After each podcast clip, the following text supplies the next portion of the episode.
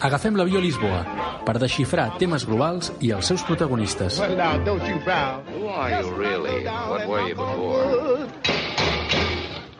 Hola, sóc en Víctor Puig per l'avió a Lisboa, l'espai de política global de Casablanca.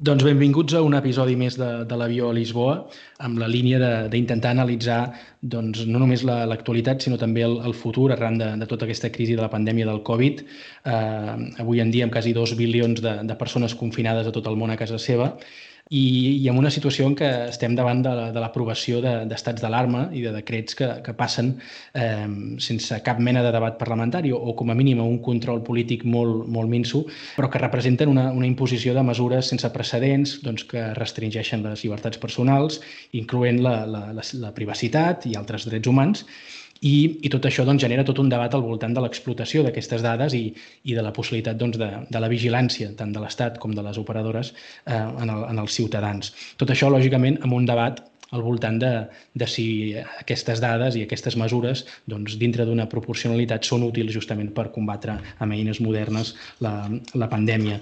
Eh, avui volem parlar una mica d'aquests límits eh, entre la llibertat eh, i, la, i la utilitat d'aquestes dades amb, amb dues persones que, que són experts en, en la matèria. En primer, en primer lloc amb l'Enric Luján, que és professor de Ciències Polítiques i és investigador doctorant en la intersecció entre la filosofia i la tecnologia i també és membre de, de Críptica.org, que, que després també doncs, ell mateix us podrà, us podrà explicar millor doncs, eh, de què es tracta aquesta associació sense ànim de lucre. Eh, també ens acompanya l'Albert Casademont, que és enginyer de programes i cofundador d'una startup, Nustic, que permet als clients crear les seves pròpies fragàncies, perfums, eh, a través de, de la tecnologia, al servei d'aquesta manera d'expressar-se de, i, i de crear. Per tant, eh, dues persones que estudien aquests temes, que els coneixen a fons, benvinguts i, i moltes gràcies per, per ser a la Biolisboa avui. Gràcies a tu, Víctor. Encantat. Doncs eh, el primer que us, que us voldria preguntar una mica en la línia d'alguns articles que, que, que tu mateix, Enric, has, has publicat, eh, sobre la perspectiva de la seguretat i la privacitat eh, des del punt de vista de l'usuari. És a dir, tots som conscients de fins a quin punt doncs, eh, Google i, Instagram i totes aquestes aplicacions que fem servir en el dia a dia doncs, capten informació nostra, però fins a quin punt som conscients de, de la capacitat que tenim nosaltres per limitar-ho, si és que en tenim? Jo crec que el nostre grau de consciència ho determina, per exemple, la facilitat amb la que acceptem uns termes i condicions, per exemple, o acceptem determinats permisos sense preguntar-nos si l'aplicació realment es necessita o no per poder funcionar, no? Aleshores, jo el que crec és que ara mateix hi ha un cas d'inconsciència col·lectiva on, bueno, és a dir, jo dono accés a tot perquè si m'ho demanen, pues, se suposa que ho necessiten, no? I llavors, evidentment, doncs, l'abús forma part del seu model de negoci. Això va passar, per exemple, amb la polèmica aquesta d'Instagram que va sortir fa un parell d'anys, no? que es va descobrir que aprofitava el permís d'Instagram Stories, de micròfon, per estar gravant les converses que s'estaven mantenint al voltant del dispositiu eh, 24-7, és a dir, tota l'estona. I això es manté, Aleshores, perdona? Ara mateix dius? Sí jo entenc que es manté, perquè, és a dir, forma part del propi model de negoci de Facebook i entra dins de lo coherent que sigui així. No sé, això es va destapar, crec que va ser el juny de 2017 o així. Per tant, és la resolució del misteri de com pot ser que Instagram sàpiga que m'interessa això quan ni ho he googlejat, ni ho he buscat per Amazon, ni com a mínim la sensació d'un usuari que no en sap, és que sí. Doncs si tens, si tens el dubte, llavors és una resposta afirmativa. És a dir, evidentment, Instagram ho sap a, a partir d'alguna informació a la qual té accés, no? Aleshores, bé, pel que fa al nivell de consciència, de temes de privacitat, clar, jo, jo crec que no. És a dir, encara avui no hi ha una pedagogia de la privacitat sòlida eh, entre la població, almenys. I, de fet, estem aquí no?, per intentar treballar-ho, no?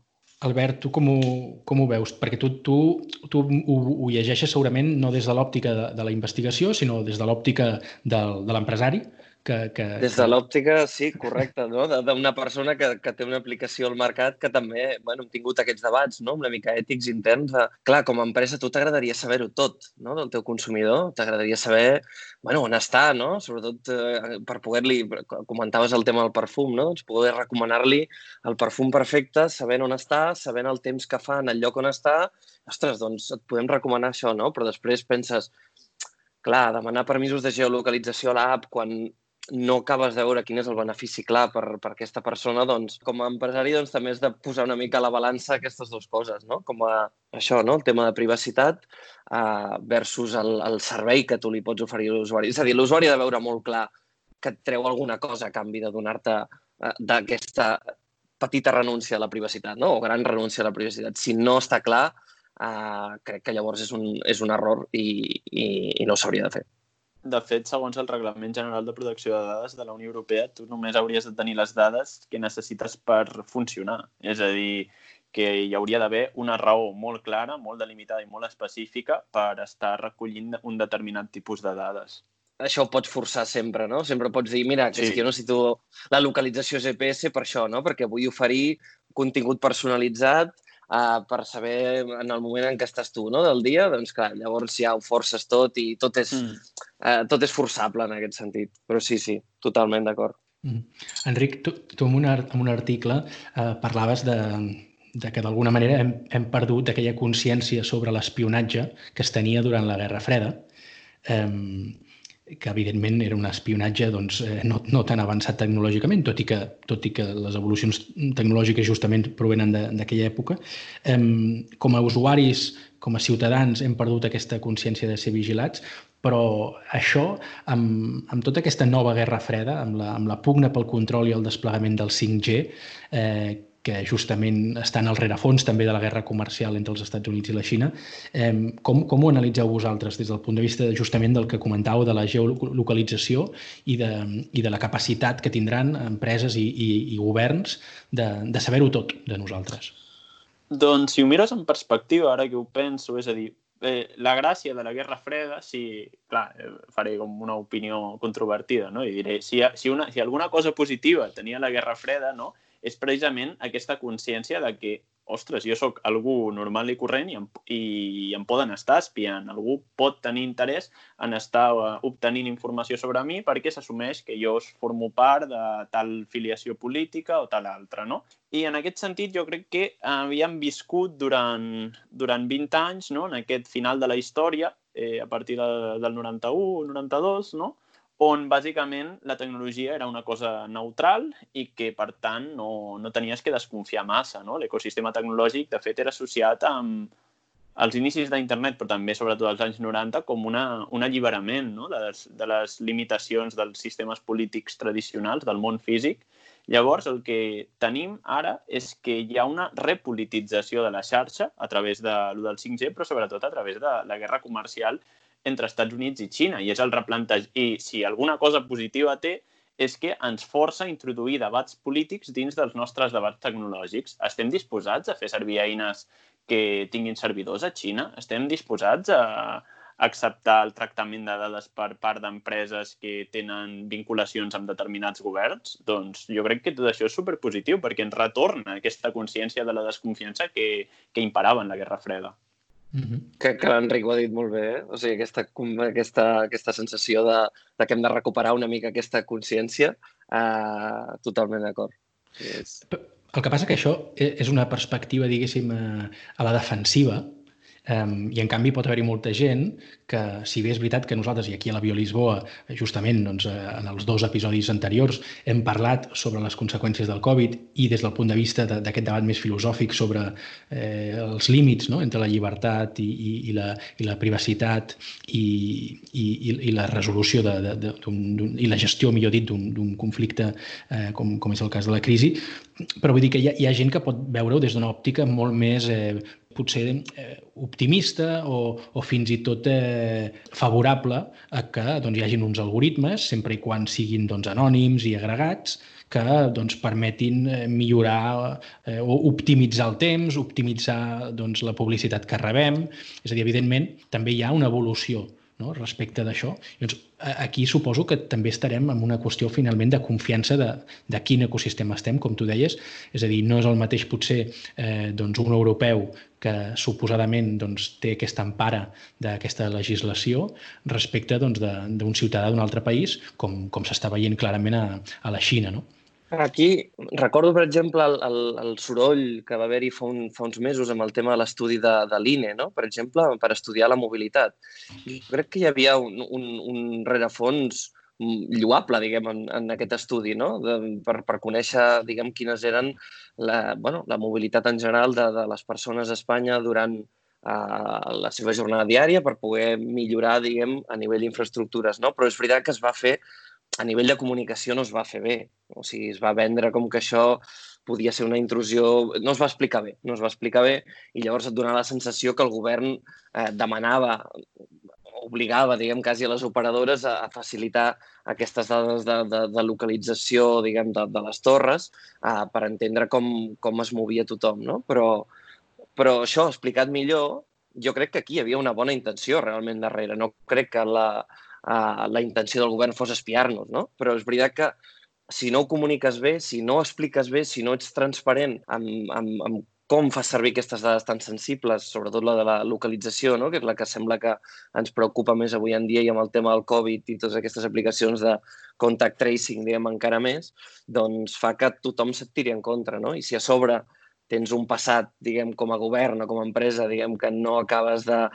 Eh, no se't veu gaire clar les intencions, doncs encara fa que la, la ciutadania desconfiï més no? de les teves verdaderes intencions. Sí, aviam, a nivell comunicatiu està clar, no? però a mi el que em va sorprendre molt d'aquell període, perquè ho vaig seguir bastant, era que bàsicament es va, els mitjans de comunicació van, van ficar més èmfasi sobre això que anava a fer l'INE, que al final eren dades agregades i anònimes, sobre, per exemple, el decret digital, que el decret Correcte. digital 14-2019, parlo de memòria, eh, el que permet és que bàsicament el govern pugui prendre el control de qualsevol operadora sense ordre judicial i accedir a totes les seves dades en temps real.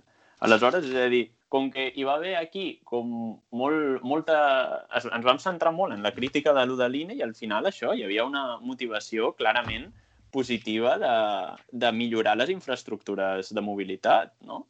Sí, per això deia abans, no? quan, quan, quan feia la presentació, deia que no hi havia hagut debat mm, parlamentari. Segurament el que volia dir és que no hi havia hagut oposició política a, a aquest decret, per exemple, no?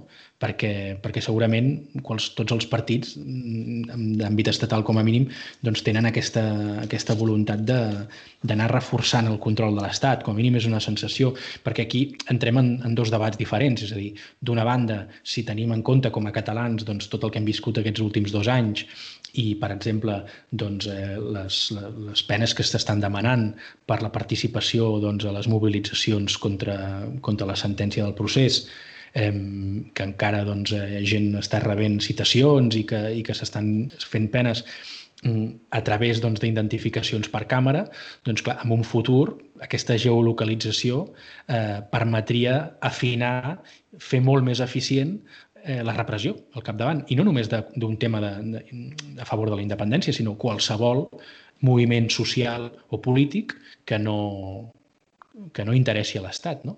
Això tenim d'una banda de la balança i de l'altra banda, en canvi, tenim doncs, eh, persones com, com el propi Bruno Massaes, que avui mateix doncs, a, a Reuters deia no? que, que, que aquesta, eh, no sé com ho feia anar, però deia eh, aquesta, aquesta voluntat de protegir la privacitat, en realitat, com vosaltres ja apuntàveu abans, va en contra de la capacitat, de, per exemple, de gestionar una pandèmia com, com l'actual. I, de fet, ell posava l'exemple de, de Corea del Sud, on eh, a través de, de la tecnologia Bluetooth i d'aquest avís en cas d'haver estat en contacte amb una persona doncs, eh, que, infectada, doncs s'ha per, permès doncs, justament eh, poder resoldre amb, amb molta més eficiència la, la, la crisi del, del Covid, oi? Però perdoneu que no faig una pregunta concreta, sinó que, que, que, que, que plante, plantejo la, la dicotomia i els dos debats una mica per sentir, per sentir com ho veieu, perquè és que eh, entenc que, que estaríem disposats a cedir-ho per una qüestió de, de salut, però en canvi mm, segurament no estaríem disposats a cedir-ho pel que fa al control de les activitats i de la llibertat d'expressió de la ciutadania. No? I llavors, clar, com es, com es conjuga no, això? Segurament dintre d'aquest àmbit europeu, però llavors vol dir que hem de tenir molta, molta confiança amb la capacitat de, de fer respectar aquests tractats europeus. És el que tu dius, eh? bàsicament per mi es tracta d'aquesta confiança que ara mateix eh, bueno, està posada una mica en dubte, no? sobretot després de, del que tu has comentat d'actuacions doncs, com la de l'1 d'octubre. No? Uh, però això, però, això, però això es podria fer millor. Vull dir, no, no costa tant. Una aplicació d'aquestes, si es fes open source, ja només és això, que és, hi ha aquesta cultura de l'open source que escasseja, diguem, a, a l'administració, lamentablement, uh, doncs ja donaries un punt més de confiança, no? Uh, si aquest codi d'aquesta aplicació fos obert i fos uh, auditable, diguem, poguéssim saber exactament uh, cap, on, cap on van aquestes dades. I, i l'altre era el, el tema, diguem, de qui gestiona aquestes dades, no? Perquè també hi ha hagut aquestes apps com la que va llançar la Comunitat de Madrid, again, eh? segurament amb tota la bona intenció del món, però que era aquestes eh, col·laboració público-privada, que si no deixes molt clar qui, qui fa què i cap a on van aquestes dades, doncs encara pots crear més recels. Uh, aviam, sí, eh, però al final, aviam, no, no em vull posar gaire tècnic, no? Jo faria una distinció molt clara en el, entre el que són dades agrega, agregades i anonimitzades i dades que no ho són, dades individualitzades associables a la geolocalització de persones concretes. Val? Aleshores, de fet, en el cas de la resposta digital que ja està ben des del govern espanyol eh, i, de, de fet, des de diferents comunitats autònomes, és per una part un estudi agregat per saber, eh, crec que era saber si t'ubicaves dins de la comunitat autònoma on afirmaves estar, més que res per poder, per poder remetre't a un lloc o a un altre i per altra el tema de l'aplicació, no? la famosa aplicació que, clar, et demana una geolocalització concreta a través de GPS. Clar, uh -huh. al final, al final eh, de nou, estem parlant, eh, aquí torna a aparèixer el tema del consentiment i bé, al final les persones que han donat accés se suposa que és perquè ho associen amb que és d'interès públic fer-ho. Uh -huh. Aquí el tema està en que fins a quin punt podrien arribar a obligar, no? A, a, a, si no tens aquesta aplicació amb aquests permisos, que és una mica el que passa a la Xina, no? Si no tens aquesta aplicació de contact tracing, eh, no et pots moure. I mm. llavors, mm. bueno, aquí és on entra potser el, aquest debat eh, més, més filosòfic, ètic, no? Fins a quin punt et poden obligar com a ciutadà a, a, a tenir una d'aquestes aplicacions no? per poder-te moure? És que a mi em sembla ara mateix eh, inassumible completament. És a dir, hi ha una bona part de la població, de la població esperant que no té smartphone, ni està interessat en tenir-la, ni, saps, ni potser tenen mòbil, no? Llavors, és a dir, estaries creant una exclusió tremenda vers les persones que no tenen accés a aquesta tecnologia o no s'ho saben ni instal·lar, que també tens que tenir en compte. Per això jo crec que s'ha desenvolupat també l'estudi a nivell agregat eh, a través de telefonia mòbil, eh, en el sentit de per antenes de telefonia i no per GPS, perquè allò no necessites el consentiment explícit ni la instal·lació de mm. res, simplement ho segueixes per antena. Mm -hmm. Clar, suposo que tornem al tema de la confiança, perquè perquè en realitat eh, si tu tens eh, un govern que tens la confiança que totes aquestes dades les, les, les tracta des per, per ajudar els epidemòlegs, eh, aleshores tu cedeixes eh, voluntari, no?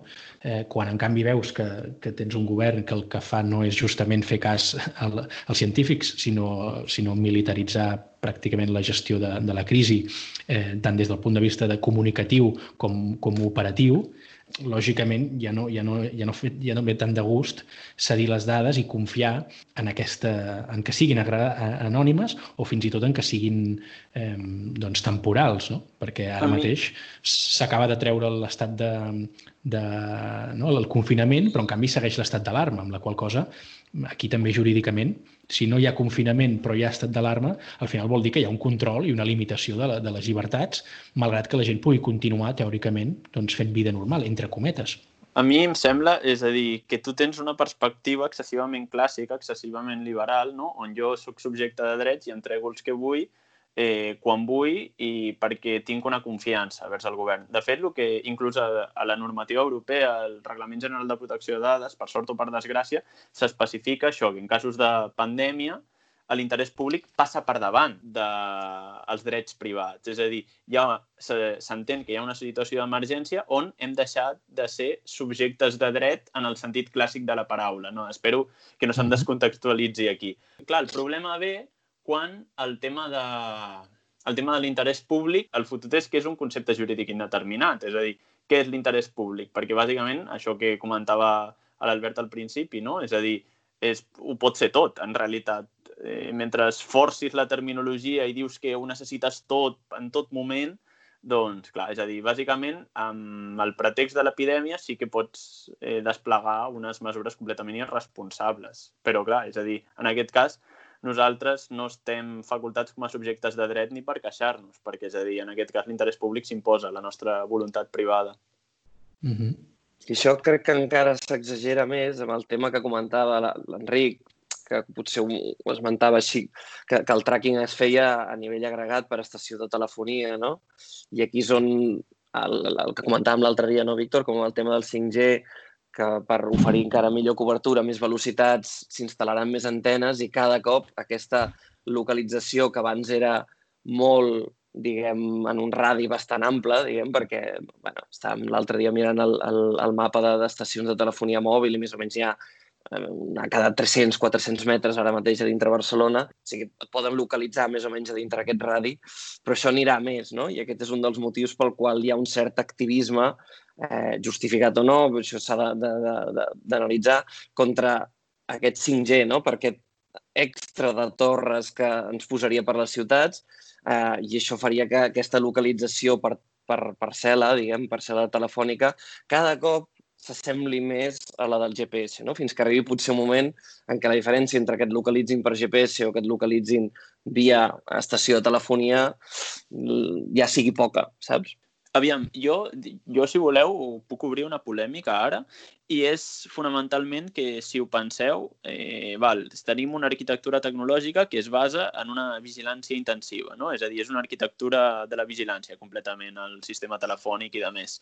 Però, és a dir, en el context actual, llavors, per què no utilitzar-ho? És a dir, és si alguna, si alguna vegada podia ser útil aquest sistema de vigilància permanent que està no només en condicions excepcionals, sinó en situacions normals i practicat per, per empreses, per grans corporacions, uh -huh. eh, per què, per què l'Estat no ho podria fer ara aprofitant-se de tota aquesta arquitectura? Jo ja us dic, és a dir, si hi ha un, un cas, una circumstància on això es pugui ser útil, és ara. Uh -huh. Estic d'acord, el, el tema és... Um, si això es converteix en norma, no?, després, perquè recordo el tema de, dels...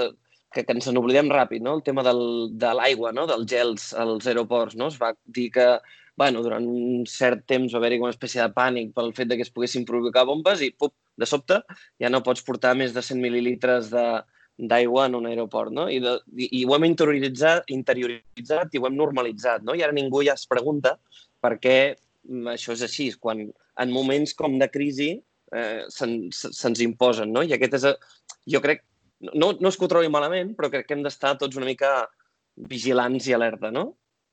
Jo crec que és un debat diferent. És a dir, eh, està el debat per l'actualitat, per el moment actual, eh, per l'excepcionalitat, i l'altra cosa és el debat de què passarà el dia de després. Jo vull pensar que en la millor de les circumstàncies tampoc se'm descontextualitzi aquí, si us plau, estem davant de l'escenari de dictadura romana, en el, sentit, en el sentit més clàssic de la paraula, és a dir, el dictador romà era algú que feia, sorgia per fer front a una situació concreta, eh, es suspenia el Senat, evidentment, és a dir, l'activitat legislativa parava completament per fer front a una amenaça concreta i llavors, un cop eh, aquesta amenaça cessava, el dictador se n'anava i no, no produïa una nova legalitat. És a dir, no era tant, la dictadura a Roma no era tant un sistema polític com un recurs del sistema polític legal originari. No sé si m'explico. I llavors, el, la millor de les situacions és que, que un cop tot això s'acabi, tot això, idealment, es reverteixi totes les mesures excepcionals no es normalitzin dins del nostre sistema legal. Vull pensar que serà així. Però més, més enllà de que, de que des del punt de vista legal eh, no, no s'allargui, a partir del moment en què l'estructura tecnològica hi és, eh, s'ha fet servir i, i ja s'ha començat a implementar i a més a més, eh, i a més a més hi ha aquesta capacitat massiva de control perquè la tecnologia va evolucionant, com heu dit amb el tema del, del 5G, al final és en mans de qui està aquesta estructura perquè un cop ja, ja la tens, la, la, la possibilitat de controlar la gent, doncs tu ara pots dir, bueno, més o menys estic en una democràcia que, doncs, amb totes les seves imperfeccions, doncs em, em, em dona unes certes garanties. En canvi, hem vist que els règims canvien, potser no de la nit al dia, però, però, però també.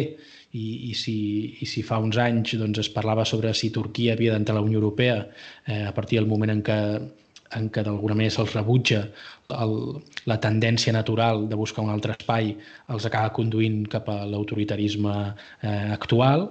eh, o, el, o la pròpia Hongria, que també en vam parlar la setmana passada, un estat membre de la Unió Europea, o Polònia també, eh, o, o per què no a Espanya, no? que actualment s'aplica aquesta militarització dels carrers i de la comunicació amb un govern teòricament progressista, però tota aquesta estructura i tot aquest inclús llenguatge bèl·lic, tota la lingüística que acompanya no? això de la, la guerra contra el virus, la primera línia, eh, no? eh, tot això posat en mans d'un govern de, de Vox o del Vox i el PP o, o, de, o de qui sigui. No? És a dir, al final, quan tu ja tens l'estructura i tens la capacitat, el, el pas cap a tenir una societat com la, de, com, com la xinesa, evidentment, salvant les distàncies, no és tant, a menys que tinguis una capacitat molt forta justament de mantenir la, la, la democràcia. I, I si la democràcia i, i la, la llibertat d'expressió queda limitada a la vegada per aquesta estructura que tu has muntat, aleshores no tens defenses no, no et queden baluarts davant de,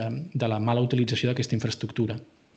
Jo, jo, jo sóc optimista eh, en aquests temes en general, perquè ara hi ha això, però, per exemple, d'aquí pocs anys probablement hi haurà, bueno, no sé, hi ha diversos projectes en marxa, no? però un el més famós potser és el, el del projecte Starlink, no? de, de l'Elon Musk, amb les seves idees una mica eh, boges, està posant milers diguem, de satèl·lits en, en òrbita baixa per poder crear una constel·lació diguem, de, de satèl·lits per donar serveis d'internet de forma que deixis de dependre no? diguem d'aquestes uh, antenes terrestres i puguis anar directament a, cap al satèl·lit, no? de forma que poguessis escapar una mica d'aquest control. No? Again, et poses, a, et poses en mans d'una altra empresa, eh? però bueno, sí que sempre hi ha aquesta opció, perquè al final això, això ens passava, aquestes manifestacions massives que, que te n'adones que, que, que depens totalment d'internet. O sigui, quan t'ajuntes tanta gent i l'internet cau, de sobte t'adones que, ostres, estàs, estàs com perdut, no? És com un, és com un ramat d'ovelles sense, sense guia, sense pastor, no? Quan, si tallen l'internet, eh, ens quedem com, ostres, no sabem què fer sense internet, no? I això és aquest punt de poder escapar eh, mm. i en mans de qui estem, doncs és, és, és aquest punt delicat, no? Però bueno, jo dic, jo en general sempre sóc positiu i on, on hi ha una cosa, eh, on hi ha aquest control, sempre hi ha la forma, sempre hi ha algú que s'empesca la forma d'escapar-ne. Eh? Mm -hmm. Sobre les mesures legals, eh, és que inclús eh, estic pensant ara, eh, en veu alta, hi ha el tema aquest del decret digital, també, però si, si us hi fixeu, aquell, aquell decret digital estava tan focalitzat a anar contra una cosa concreta, contra un adversari polític, no? contra Tsunami Democràtic en aquell moment, que avui no s'està utilitzant. I és a dir, el decret digital, si el que pot fer el govern és intervenir les operadores per accedir a les dades en temps real de les operadores i poder, a partir d'allà, eh, tenir accés al tràfic de dades de geolocalització a tota la població espanyola, és a dir, ho podria haver fet i no ho està fent. Aleshores, és com aquest, aquest despropòsit on tenim tota una arquitectura de la vigilància que, de la qual el propi govern, per, per un interès públic que tots considerem evident, que és la lluita contra la pandèmia, no està utilitzant, tot i això, i la retòrica de la guerra, etc etc. no? Mm -hmm. Ho sabem, ho sabem. No, no, no vull alimentar, jo te, soc anti totalment teories conspiració, eh? però, però tampoc ho sabem, probablement, no? Si, si ho han arribat a fer servir. Um, sí, perquè bàsicament és un acte administratiu, els actes administratius són públics i hauria de... És a dir, en seríem conscients, és a dir, hi hauria hagut una informació, s'hauria generat una, una, un registre d'això. Uh mhm. -huh. És interessant.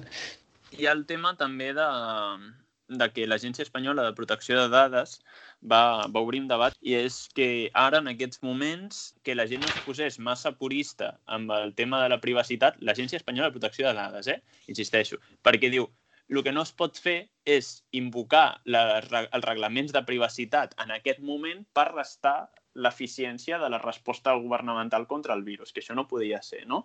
I inclús l'Agència la, Espanyola de Protecció de Dades el que deia era que dins d'això de, de l'interès públic que us comentava del Reglament General de Protecció de Dades de la Unió Europea, ells entenien que seguia obrint l'opció, per exemple, a la gent que hagués donat positiu en Covid-19 se li fes una geolocalització individualitzada del seu telèfon mòbil per tal d'assegurar que no es saltaven el confinament. No Llavors, és a dir, això és interessant, no?, perquè pot ser la següent fase. El que estem veient ara, no?, l'aplicació aquesta general que va treure que va treure el govern central, no?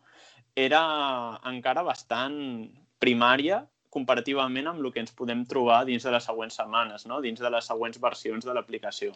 Eh, és, és el telèfon mòbil, vull dir que mm, arribats a un punt el pots deixar, pots deixar a casa, no? El problema és si ja eh, t'obliguen a introduir aquests xips per poder controlar doncs, la teva temperatura, per saber si en el futur pots pujar en un avió o no, o inclús si pots entrar en un país o no, no? I de la mateixa manera que han tancat fronteres, en un futur doncs, et pot exigir tenir doncs, un tipus de, de, de garanties eh, de salut, no? la, qual, la qual cosa també pot generar diferents eh, classes no? entre, entre persones de, de, que tinguin accés a, a unes garanties sanitàries i altres que no, no? Però, perdona, què, què, què volies dir, Albert? No, que, que llegia, és que de fet fa molt poca estona que, que ho he vist, eh? no? que Twitter a vegades té aquestes coses, que, que llegíem que, que Apple i Google s'han posat d'acord per, per... han tingut un, un acord per, per introduir alguns elements de contact tracing, que encara no, no està clar exactament per on anirà, però de forma que tant a iOS com a Android, o sigui, les dues companyies mare s'han posat d'acord per posar algun element dintre dels propis sistemes operatius per de cara a facilitar aquest contact tracing, no? O sigui, s'haurà de... Ja dic, això ha sortit fa molt poqueta estona i s'haurà de mirar a veure per on, per on van els trets, no? Però és intrigant, interessant, inquietant al mateix temps, no? que, que tant Apple com Google s'hagin posat d'acord i que, que, que, que a veure per on, per on va no? aquest tema. Mm -hmm. Doncs eh, agraeixo moltíssim que, que, que hagueu passat per, per la Lisboa. És eh, una oportunitat per seguir parlant d'aquestes conseqüències de, del, del Covid i, de, i, de, i anar preveient una mica o fent una mica de pronòstic sobre també com, com poden canviar la, la nostra vida no? I, com, i com poden ser les societats en el futur, que, que segur que canviaran de manera molt, molt ràpida i que, i que aquesta pandèmia pot acabar d'accelerar doncs eh, abans d'acabar, eh, Enric, eh, tu formes part d'aquesta associació críptica. Eh, ho dic per si volies una mica aprofitar per explicar eh, quina és la vostra tasca i, i, per què, i per què la veu fundar en el seu moment. Jo crec sí, que ho hauria de fer. Eh? és molt, molt valuosa la tasca que jo crec que fan a, a Críptica. Críptica, jo crec que ara, justament en temps del confinament, hem complert 5 anys i llavors podríem dir que estem fent des de fa cinc anys el que en anglès es diu privacy advocacy, no? és a dir, defensa de la privacitat en tots els camps. És a dir, des de publicació de continguts rellevants des de la perspectiva de la privacitat i la seguretat, a, a impartició de xerrades, tallers, sessions pràctiques, és a dir, és una mica polivalent la nostra activitat, no? A través dels nostres canals de comunicació tenim Twitter per les notícies més d'actualitat, tenim una llista de correu per les discussions una mica més, més profundes i de més, però això jo crec que és una feina necessària no? que, que estem traient de manera voluntària entre l'esforç de, de tots els membres i això considero que és més necessària que mai, de fet. Molt bé, i aprofitar també per, per recomanar el, el llibre que heu, que heu publicat, que és Resistència Digital, Manual de Seguretat Operacional i Instrumental per a Smartphones, eh, que també doncs, el, podeu, el podeu trobar i que segur que de l'editorial Descontrol, ho dic bé? Sí, efectivament, i també està en format PDF, EPUB i mòbil, gratuïtament a internet, per si algú no pot esperar no? i ja ho pugui consultar online. Perfecte, perfecte. Doncs moltíssimes, moltíssimes gràcies novament i ens veiem a la propera i moltíssimes gràcies als oients per, per seguir-nos eh, una vegada més a la Biolisboa. Us podeu acomiadar si voleu o si no et poso la musiqueta directament. Ah, vale, vale. Però bueno, no passa res. On acaba el tall? No, no, gràcies sí, sí. a tu, Un plaer. No. I gràcies a l'Enric també. Gràcies. Gràcies als dos. Posem, posem la musiqueta per acabar. Fins aviat. How much trouble? Too much trouble. Well, now, don't you frown. Just knuckle down and knock on wood. Who's unhappy?